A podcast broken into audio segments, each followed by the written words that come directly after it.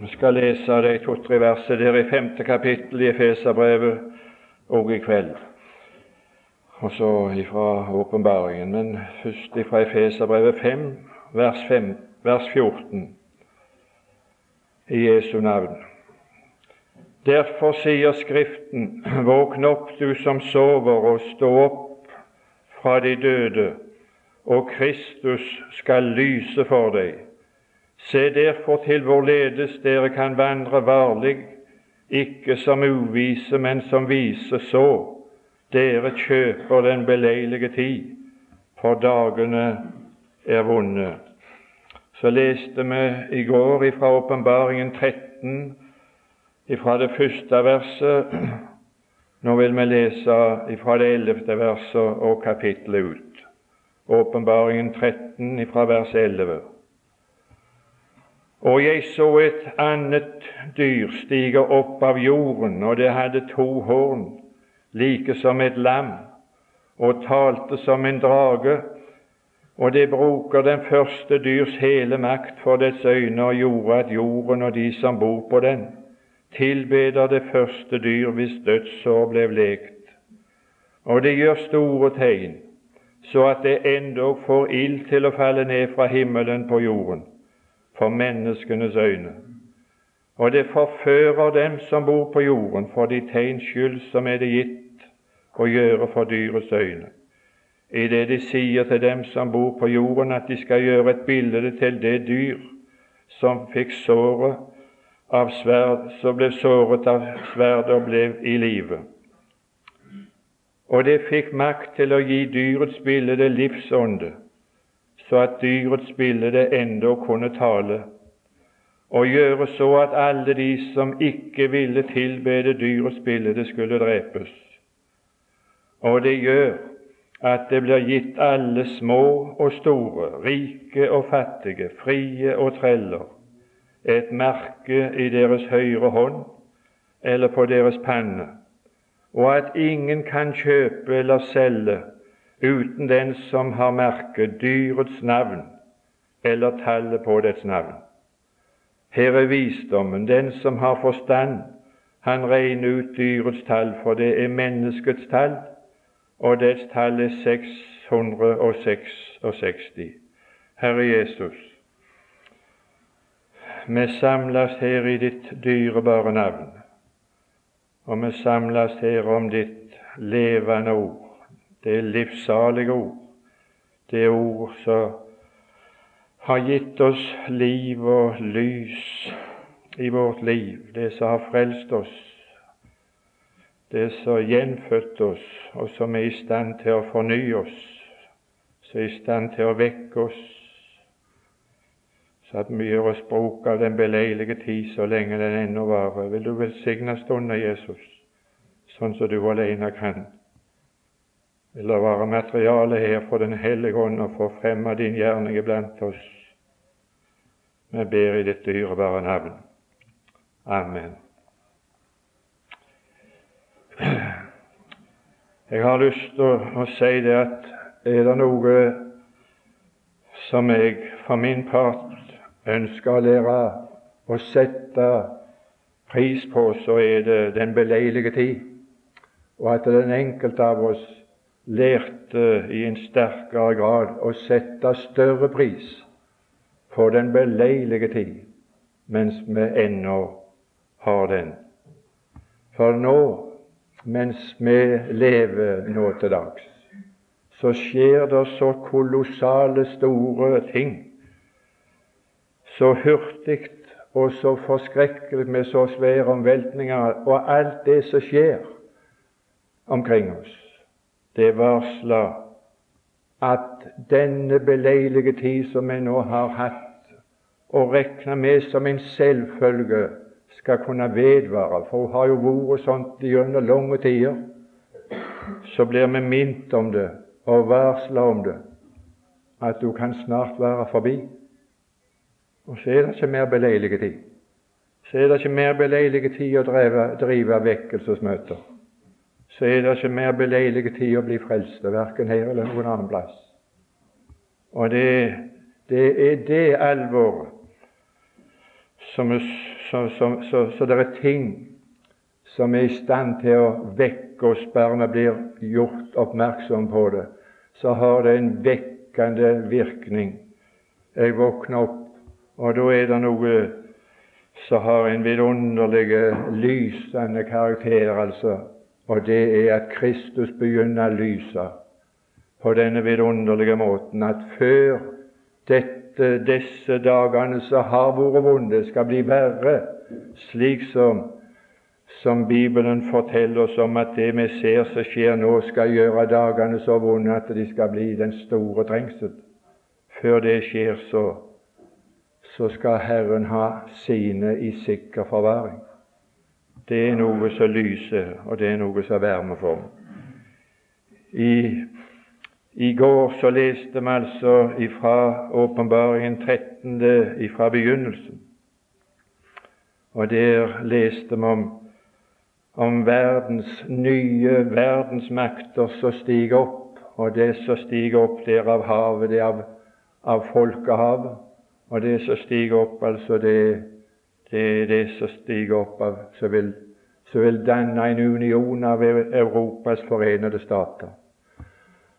Og vi ser en nydannelse, en omstøpning av Moskva og riket i øst, som går aldeles i oppløsning for å dannes slik som Bibelen har beskrevet, at det skal bli en Sovjetunion av en annen, av en annen karakter, som vi leste litt om i går. Når Sovjet og Moskva forener seg med alle araberstatene i et eneste ting som kan forene dem, det er i altså den ideen at de skal rydde jødene ut.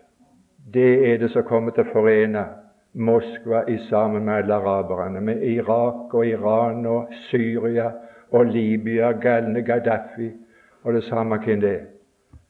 Det, det, det er det som Bibelen har beskrevet, som er i støpeskjegget og bygges opp et nytt. Jeg skal ikke si noe om det. Det er noe som jeg hadde lyst til å si før vi leser videre om det som vi har lest om i kveld. Det er ei bok som Olav Valen Senstad, doktorfilos, var en av de største personene som vi har hatt i Norge innen kristenheten, altså når det gjelder når det gjelder å være en leder i kristenheten. Han er, han er død for mange år siden. Han skrev ei bok for lenge siden, lenge før det var snakk om noe fellesmarked. Så skrev han et likt hefte som heter Moskva Rom. Og så skriver han i avslutningen av den boka og jeg skulle ha lyst å kunne anbefalt det, men hun er nok ikke til å få kjøpe. Kanskje du kan få låne den på biblioteket. Det er altså leseverdige bok altså i den tida vi lever i nå.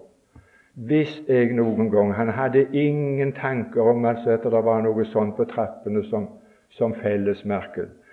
Men det var noe som var aktuelt i Norge da, det var til å løse opp og få vekk den paragrafen i Grunnloven som skulle være, gjøre det forbudt for jesuittene å være her i landet. Det var bakgrunnen for heftet. Og så skriver han, etter å ha gjort nøye undersøkelser, at hvis jeg noen gang skulle komme på valg og måtte velge hvor jeg ville befinne meg, enten under Moskva eller under Rom, så er det ingen tvil. Jeg velger det minste av to under, og da velger jeg Moskva. For under Moskva så er Moskva under gresk-katolsk kirkestyre. Og det er økumenisk å tillate andre troesretninger å overleve. Men Moskva, med det romersk-katolske kirka, den tillater ingen kjettere å leve hvis den har makt. De dreper de i Guds navn. Så har jeg et annet lite hefte, og i det heftet står det Det var én, og det, det, er i vår tid. Det er ikke i mellomalderen. Det var en tid som reiste rundt som predikant og gjorde oppmerksom på noe av det som jeg gjorde oppmerksom på i går. Han fikk først et brev om at han ble henstilt til å slutte å opplyse folk om hvorledes den katolske kirka var innstilt. Og han retta seg ikke etter det. Neste gang så var han drept. Han ble myrda på åpen gate. Likvidert. Det er noe som heter å bli likvidert i Guds navn innen det systemet. Det er altså ikke med lettsindighet at han sto her i går og så sa det jeg sa, etter at jeg kjenner til hvordan forholdene er.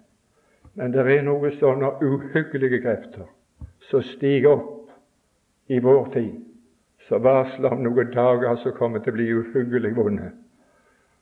De kan bli uhyggelig vonde før bortrykkelsen kommer, men etter bortrykkelsen så blir det den store trengsel. Jeg skal ikke si noe mer om det. Jeg vil lese nå, bare gjøre oppmerksom på det vi har lest. Jeg så et annet dyr. Det dyret som steg opp av havet fra folkehavet, det, det er den, det, det nye verdensriket og den nye verdensmakt som stiger opp av det gamle Romerriket. Det andre dyret som stiger opp her i det ellevte verset, det stiger ikke opp av folkehavet men det stiger opp av jorden. Og det, det, de, de, to uttrykkene havet og jorda de brukes suverent gjennom hele Bibelen som et symbol på, på havet det er hedenske folkehav, og jorden det er Israel og jødeland. Det er bare jødeland som har vært fruktbare av verdens befolkning når det gjelder det som har med Gud å gjøre. Det er, det er først og fremst har jødene det fortrinn at Guds ord ble deg betrodd. Frelsen den kom ifra jødene. Jesus kom ifra jødene. Det er det eneste fruktbare området som det har vært. Det er blant jødefolket. Og vi står de i usigelig takk Jeg skal ikke si noe mer om det. Men av dette jødelandet så stiger det opp et dyr, sa Johannes. Han så. Og det som jeg og du er vitne til nå, det er at vi er vitne til at det er i jødeland stiger opp en verdensmakt, en makt med dimensjoner og med en styrke som altså er i stand til å holde hele verden i sjakk. Det er altså et kolossalt nytt maktrike som oppstår i Jødeland. Det er det vi er vitne til. Den første ringe oppstigningen den var vi vitne til i 1948. Da steg det opp en sånn lilleputt-stat i Jødeland. De var den gangen 758 000 jøder i Jødeland som proklamerte staten Israel.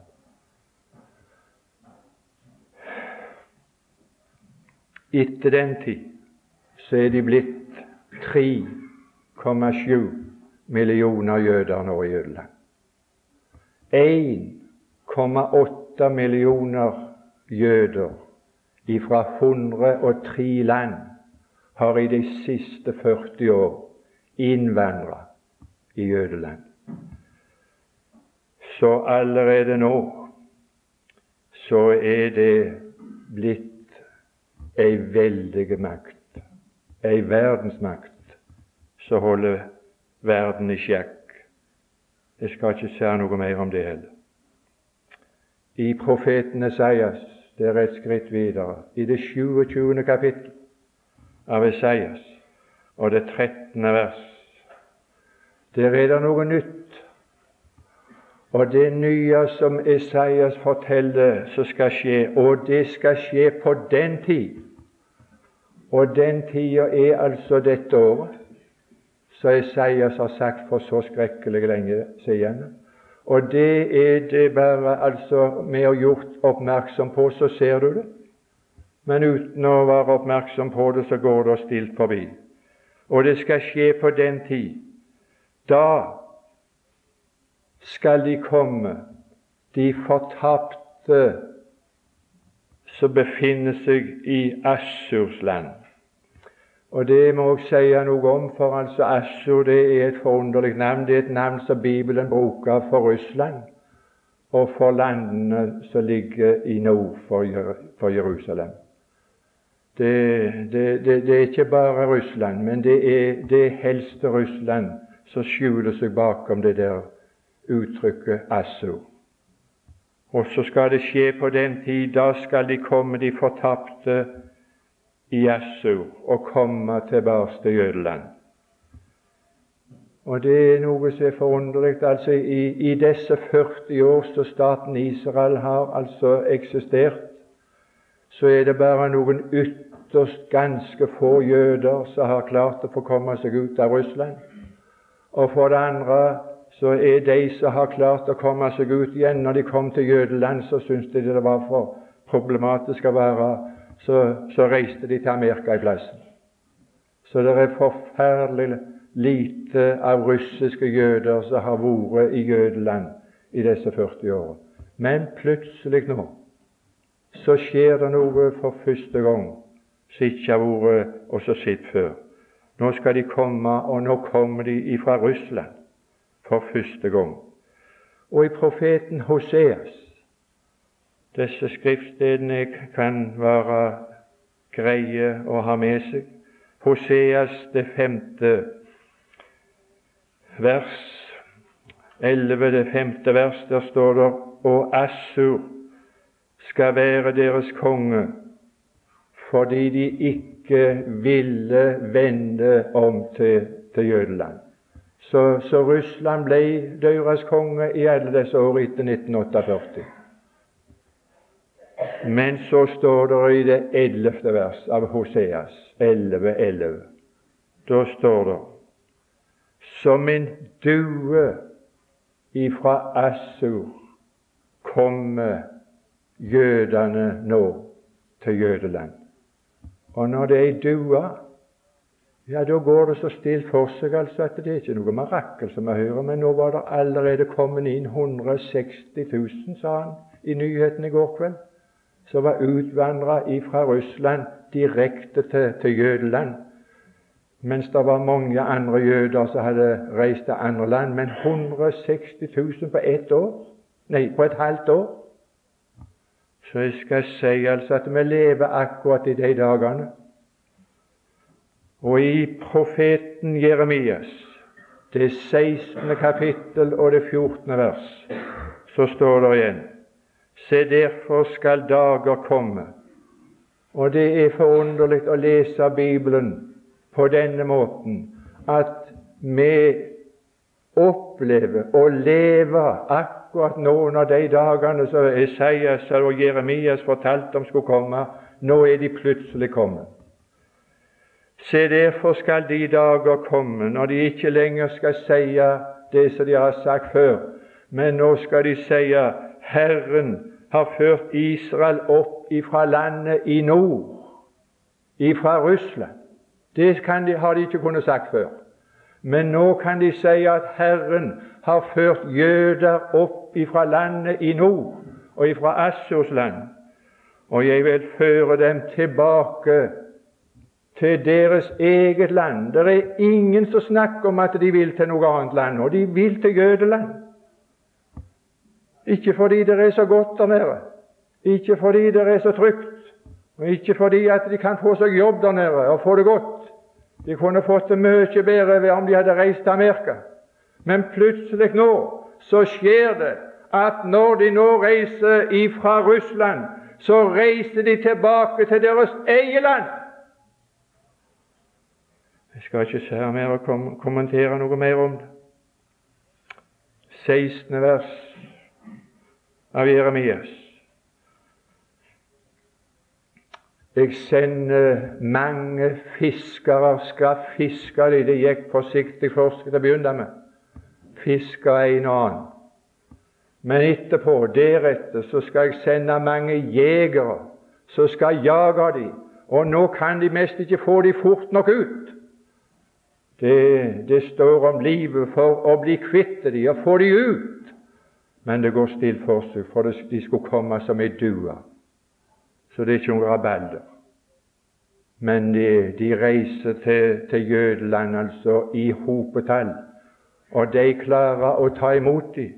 selv om de ikke får lov å plassere De har et land som ikke er større enn Rogaland, og så får de ikke engang plassere dem der det er plass på Vestbredden, for da får de trøbbel med ja, med snart hele verden. Det har de bare trøbbel med. Jeg skal ikke si noe om det, for da går, da går tida fra oss. Jeg skal ikke si noe.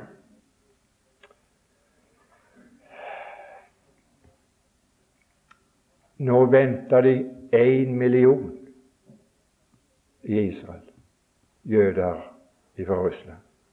Og 50% av de jødene som kommer fra Russland, det er folk med høyere utdannelse. En utdannelse som er kalkulert til å være verdt 200 000 dollar for hver mann. For ei gru av de er professorer i matematikk og i ingeniørutdannelse. Så dette er en ny innsprøytning i Israel iblant jødene som vil gjøre dem på en korte stund til ei fryktelig sterke makt, som kommer til å bli altså noe av det sterkeste som denne verden kommer til å kjenne til. Esekiel 38 og det åttende vers bare. Profeten Esekiel, så helst det er en beskrivelse av Russland og alle de som er i union med Russland. Men der står det ved årenes ende da skal de komme til et land som er befridd ifra sverdet. Og det, det er det de skal gjøre. De skal befri seg der nede med sverd. Vet du hva jeg skulle ønske av hele min sjel? Jeg skulle ønske det at det riket og den makten som stiger opp i Jødeland i dag Jeg skulle ønske det var et rike som kunne gjøre dagene gode for jødene. For det hadde, hadde det vært gildt å kunne tenke på. Men det er ikke et rike som kommer ovenifra, som opprettes i Israel i dag. Når Jesus skal opprette riket for jødene, så skal han stige ned ifra himmelen og opprette et rike som skal gjøre det godt for alle jøder og for alle folk. Men det riket som vi er vitne nå, det er ikke et rike som stiger ned ifra himmelen. Men hvor er det det kom ifra? Det stiger opp ifra avgrunnen. Det er altså noe som kommer til å gjøre det vondt for jødene i Jødeland. Det er et rike som reiser seg i Jødeland, som kommer til å lage den store trengsel som kalles for Jakobs trengsel. Har de hatt trengsel i alle disse år, så kommer den største trengselen til å bli i deres eget land. Grunnen til det det skal vi lese nå, det andre verset som vi leste, eller andre setningen i det verset som vi leste. Jeg så et annet dyr stige opp av jorden, og det hadde to horn.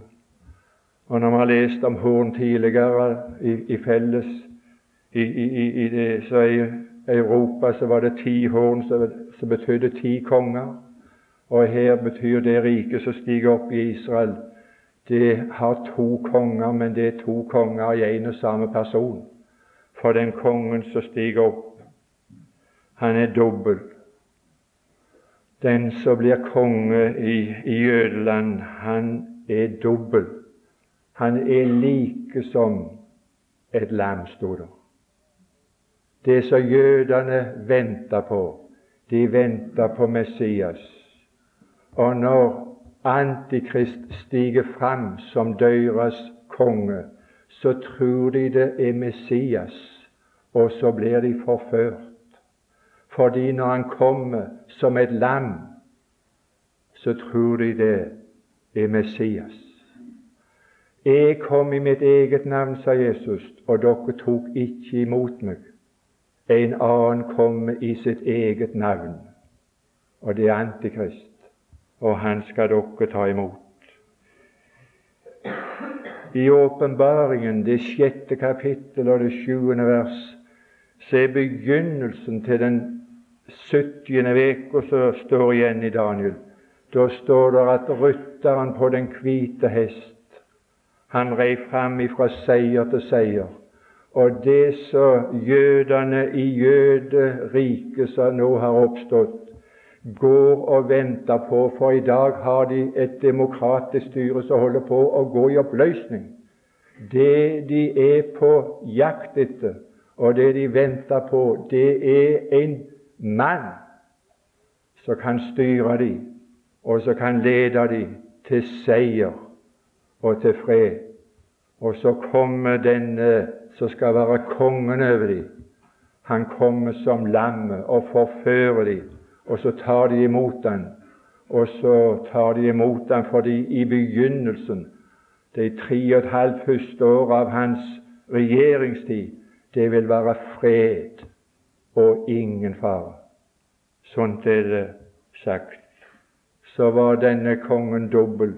Han var ikke bare like som et lam, men han talte like som en drage. I midten av veka, når det går en tre og et halvt år, i begynnelsen, med en gang han innsettes som konge, så inngår han en pakt, sier Daniel 9, 26. Han inngår en pakt med det første dyret i rom, en fredspakt som skal gi han trygghet. Og den pakten står omtalt i profeten Esaias.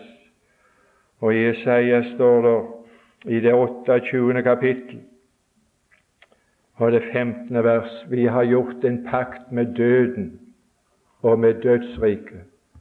Frykten og angsten for den svøpende sveper så de ser omkring seg. Jødene i Jødeland kan aldri våkne en eneste dag uten de hører det hyle i alle radioer, i alle stasjoner, fra alle araberstater. Vi skal drepe dem, vi skal rydde dem ut. Og vi skal alliere oss, vi skal, vi skal få krefter med oss, vi skal, vi skal rydde dem ut. Ei susende sveper så de frykter. Og så inngår de denne allianse med dette dyret i rom, og så er det en pakt med døden de har gjort. Det er det, for i midten av uka så står det at uh, trengselen bryter forferdelig løst. Han er en drage. Da trenger du ikke gå til verken Det gamle testamentet eller noen plass. Du kan gå til, til 2. Tessalonika-brev, og så kan du lese i det andre kapittel og det tredje vers. Det er det han kommer til å gjøre. Syndens menneske, fortapelsens sønn, han som står imot og opphøyer seg over alt som kalles Gud. Det som jeg du er vitne til, det er at det stiger opp et verdensrike i Jødeland. Men det vi ikke har vært vitne til, og det som trøster meg, og trøster meg med tanke på alle andre som lever med Gud rundt omkring i verden, det at ingen av de som er frelste, skal være vitne til når denne kongen stiger fram i Jødeland. For Først 2. Tessalonika-brev det er et dyrebart kapittel, spesielt i disse dager. I det andre kapittelet så står det der at dette syndens menneske i det sjette vers Dere vet også hva som nå holder igjen, slik at han først kan komme og åpenbare seg og gi seg til syne. Det er noe som holder igjen. Og den som holder igjen, eller han som holder igjen, det er Den hellige ånd. Med alle de troende som holder igjen. Den hellige ånd må ta alle de frelste bort fra denne verden før Israel kan få en konge som kan lede dem til seier. En antikrist. Bortrykkelsen, den er altså der står da skal den lovløse komme til syne. Jeg vet ikke noen ting som i de grader er i stand til å vekke oss. Vi ser ikke, så langt er det kommet. Og det utvikla så sterkt at det er vår overveldende makt. Det er, ikke, det, er, det er, snart ingen som våger å yppe med dem, for de er så mektige. Men de har ennå ikke kongen. De har ennå ikke Antikrist. Og det er altså takka og prisa Gud hver dag når jeg legger meg og når jeg tenker på det, at han skal ikke syne seg før den som holder dette på avstand, er kommet vekk. Og det er alle de som hører Herren til. Det er når Den hellige ånd skal overgi alle de troende. Når Jesus kommer igjen i Johannes 14, så sier han der altså 'Jeg kommer igjen og vil motta eder'. Når han kommer igjen, så vil han motta oss av Den hellige ånd. Og du og du får en trøst. Jeg må få lov å si det at her er det iallfall behov for oss å kjøpe den beleilige tid. Det kan være så snart gjort, så er de troende vekk fra denne verden. Så, så, så, så kolossalt fort så er det gjort. Så den som har tenkt seg å bli frelst, og det vi hadde tenkt å få gjort, det må iallfall gjøres fort. Vi skal slutte å bære med og så lese det siste som det sto om. Jeg fikk tilsendt en kassett av en som hadde holdt et foredrag altså om EF, kristelig. Det var helst et foredrag altså om dyrets merke og de 666. Og han snakket helst om altså disse kortene, og han var forferdelig til å skremme vettet av de som hørte på det, med smartkortet. Og den banken som hadde begynt med det, var han ikke altså nådig med. Han ville ikke engang si navnet på han, for det var noe for demoniske greier. Og, og, og, og nummeret der så Når du går og handler varer, så er det 666, så, vi har fått dyrets merke altså inn alle verdens veier. Og, og nå blir det altså Deadline, sa han, det var altså 1. januar.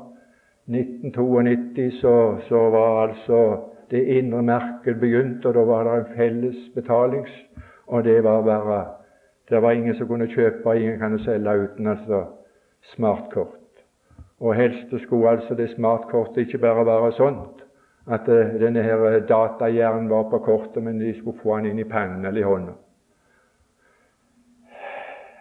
Jeg hadde lyst, før jeg setter meg ned, å bruke to-tre minutter på det så står det i 2. Tessaloniker. Jeg vil lese fra 2. Tessaloniker stilt og rolig, og kunne få lov å lese det på en sånn måte at det, det kunne både vekke oss og trøste oss i ellers forferdelig forvirrende tid. Annet Tessalonika-brev, det andre kapittelet, det første vers. Vi ber eder, brødre, vedkommende vår Herre Jesu Kristi komme. Og når vi leser om vår Herre Jesu Kristi komme, så er det forbundet med vår samling med Ham, står det. Vi ber eder vedkommende vår Herre Jesu Kristi komme pluss vår samling med Han. Det er to uttrykk som en kunne få lov å gjøre oppmerksom på, altså som eksisterer i Bibelen, så skiller det. Og det, det kommer vi nå til å lese. Det er en dag som heter Jesu Kristi dag. Og så er det en dag som heter Herrens dag og Jesu Kristi dag og Jesu Kristi komme, det er det som er forbundet med bortrykkelsen. Det er vår samling med Han som vil finne sted på den måten at uh, han stiger ned fra himmelen med overengelens røst, og de som hører Kristus til, de blir rykka bort i forvandla tilstand, enten de var hensovet til Kristus eller de lever på den tida. Det er vår samling med Han som finner sted ved Jesu Kristi dag og Hans komme. Så ber Han, det tror Han, Og det vil jeg få lov å være med og be deg om. Jeg vil være med og be deg om vedkommende vår Herre Jesu Kristi komme, og vår bortrykkelse, vår samling med Han, og vi alltid skal være sammen med Herren, så vi skal trøste hverandre med, trøste hverandre med disse ord. Det står der i forrige første brev. Så ber han at dere ikke så snart må la eder drive fra vett og sans, eller la eder skremme, verken ved noen ånd, eller ved noen tale, eller ved noe brev, like som det skulle være fra oss, som om Herrens dag sto for døra. Herrens dag er forbundet med den store trengsel. Det er en dag med mørke og redsel og gru og forferdelse. Og den som venter på Herrens dag, han blir vettskremt. Og den som venter på det, som står når antikristen er blitt konge i Jerusalem, og ingen kan kjøpe og selge uten dyrets merke, de blir drept. Ingen må la seg skremme av slikt hvis du er frelst. For den som er frelst, han skal slippe noe dyrets merke. Han skal slippe å ha noen problemer med å gå i butikken og undersøke om dette har med dyrets merke å gjøre. Han kan gå i hvilken som helst slags bank og bruke smartkort eller andre korter. Det har ingenting med Antikrist å gjøre. Når Antikristen kommer, så er Guds folk ikke lenger her i denne verden. Men det å kjøpe og ikke kunne kjøpe og selge uten dyrets merke, det er at det er ingen mulighet å overleve i antikristens tid. Enten eller. Enten må de tilbe dyrets bilde, eller så blir de drept. Så det er ingen annen. Det er én unntagelse. Jeg hadde lyst til å slutte med det som skal skje. Og første så, så er det noe som skal skje. Det første av alt, det er bortrykkelsen. Filippenserbrevet, det første kapittel og det sjette vers. For jeg er fullt viss på dette, at Han som begynte en god gjerning i eder, han skal fullføre den inntil Jesu Kristi dag. Og den som begynte en god gjerning inni oss, det var Den hellige ånd. Og Den hellige ånd skal fullføre den gjerningen den dagen så Jesus stiger ned til lufthimmelen, og så rykker han oss i skyer. Da mottar den Herre Jesus menigheten og alle de troende av Den hellige ånd. Han skal motta oss. Den hellige ånd har gjort sin gjerning. Den hellige ånd kom en dag og kalte. Det er Åndens røst som sier 'Gå og lukt en frelser inn'. Det er ved Den hellige ånds påvirkning og kallelse og dragelse at mennesker blir frelst. Og når Han får begynne inni deg, så fortsetter Han, og så skal Han fullføre inntil Jesu Kristi dag, som er bortrykkelsens dag. Trøst av hverandre med disse ord. Det er det første som kommer til å skje. Og vi trenger ikke la oss skremme av noen smartkorter. Vi trenger ikke å skremmes altså av dyrets merke. Vi skal ikke inn i det der. der. Det skal vi slett ikke. Men vi kommer vi kommer langt inn i det som lager problemer og vonde dager. Det andre som skjer etter bortrykkelsen, så skjer det som står i Åpenbaringen 12, at djevelen og hans engler og hans ånde her i himmelrommet, det blir kasta ned på jorda. Så gjør han rein for ondskap i himmelrommet. Og i de trengselstidene så, så er jorda fylt av den djevelskapen. Både Satan går løs her på jorda, og alle hans engler er her, og ei hver ureine ånd er her. Du gru er det løye, det blir en stor trengsel. Men når den trengselsperioden er slutt, så blir Satan bonden og hans engler og kasta i avgrunnen.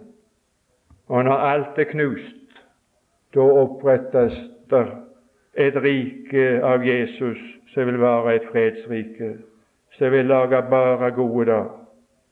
Da stiger han ned til Oljeberget og oppretter dette, så skjer det noe på denne jord. Når Jesus stiger ned til Oljeberget, så tilintetgjør han altså antikristen bare med å puste på han. Han skal tilintetgjøre syndens menneske ved sin, ved sin munns ånde, står det i 2. Tessalonikerbrev 2. En sånn frelser er det vi har, med en sånn makt, med all makt. Han skal tilintetgjøre alle motstandere. Det er Hermageddon, og det er avslutningen av Hermageddon. Da blir alle, alle de som kommer fra Russland, fra nord, de skal finne et gravsted i Jødeland, står det. Han skal tilintetgjøre de på sine fjell. Da skal han tømme jorda for folk. Profeten Esaias, det 24. kapittel og det første vers. Da tømmer han jorden det var bare én ting som Jesus kunne ligne den store trengselen med, det var Noas dag. Og sånn som det gikk i Noas dag, så skal det gå altså i menneskesønnens dag. Da tømmer man jorda. Og resultatet er at det, i vers 6 står det bare få mennesker blir igjen på jorda.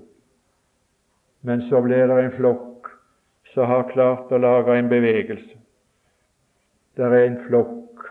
Ble ikke de dagene, står det i Matteus 24, de trengselsdagene. I det 32. vers ble ikke de dagene forkorta, så ville ingen overlevd.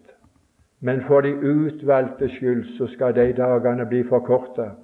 Og det er noen utvalgte, en skare av 144 000 jøder, som overlever den store trengsel og står på Sions berg i sammen med med få mennesker. Om de er så ganske få, det er ikke sikkert for det om, om det står få når han tømmer jorda. For få i forhold til de mange. Det er spørsmål hva du det, det, det, det, står i forhold til noe. Men det står om de ondkomne. Det vil bli en flokk av ondkomne, noen som unnflyr. Men det er iallfall noe som er så sterkt i alt dette så jeg skal slutte med Jeg skulle ønske det av hele min sjel at jeg kunne lest et ord som kunne være til trøst for deg som vil befinne seg her når, trengsel, når, når bortrykkelsen har funnet sted. Jeg finner ikke ett ord. Jeg har lett meg i hjel å kunne finne ett ord som kunne gi en mulighet for at hvis du ikke tok imot altså før bortrykkelsen, så var det en sjanse etterpå. Men det står i 2. Tessalonika-brev 2. I det niende vers kan vi lese og Hans komme skjer efter Satans kraftige virksomhet med all løgnens makt og tegn og under, og med all urettferdighetens forførelse for dem som går fortapt fordi de ikke tok imot kjærlighet til sannheten, så de kunne bli frelst. Og Derfor sender Gud dem kraftig villfarelse, så de tror løgnen, for at alle de skal bli dømt som ikke har trodd sannhet, men har hatt velbehag i urettferdighet. Det ser ut ut ifra det ordet så ser det ut for at alle de som bevisst sa nei så har det en anledning, for de er den beleilige tid for evig forbi. Det er en strofe av sangen som jeg sang her i går, så jeg vil sitere før jeg setter meg ned. Når den reddende hånd har sitt siste slag slått, for synderens tilluktede dør, da er det for evig ute med alt håp. Med alt håp. Når den siste slag er slått. Men én går Jesus og banker. Enn går Jesus og sanker. Ennå beder han, og ennå leter han. Ennå søker han deg, Herre Jesus. Vi er her, og vi kjenner det du rusker i oss. Du ville vekke oss, for jeg, jeg har behov for en vedvarende vekkelse. Jeg har så lett for å bli sløv. Herre Jesus, én ting er å bli bevart, men kunne du bevare oss varme? Med, med en inderlig trang etter å kjøpe den beleilige tid for dagene er vonde. Det ser du, og det vet vi. Vi ber som vi synger. Send oss din vekkende ånd. Amen.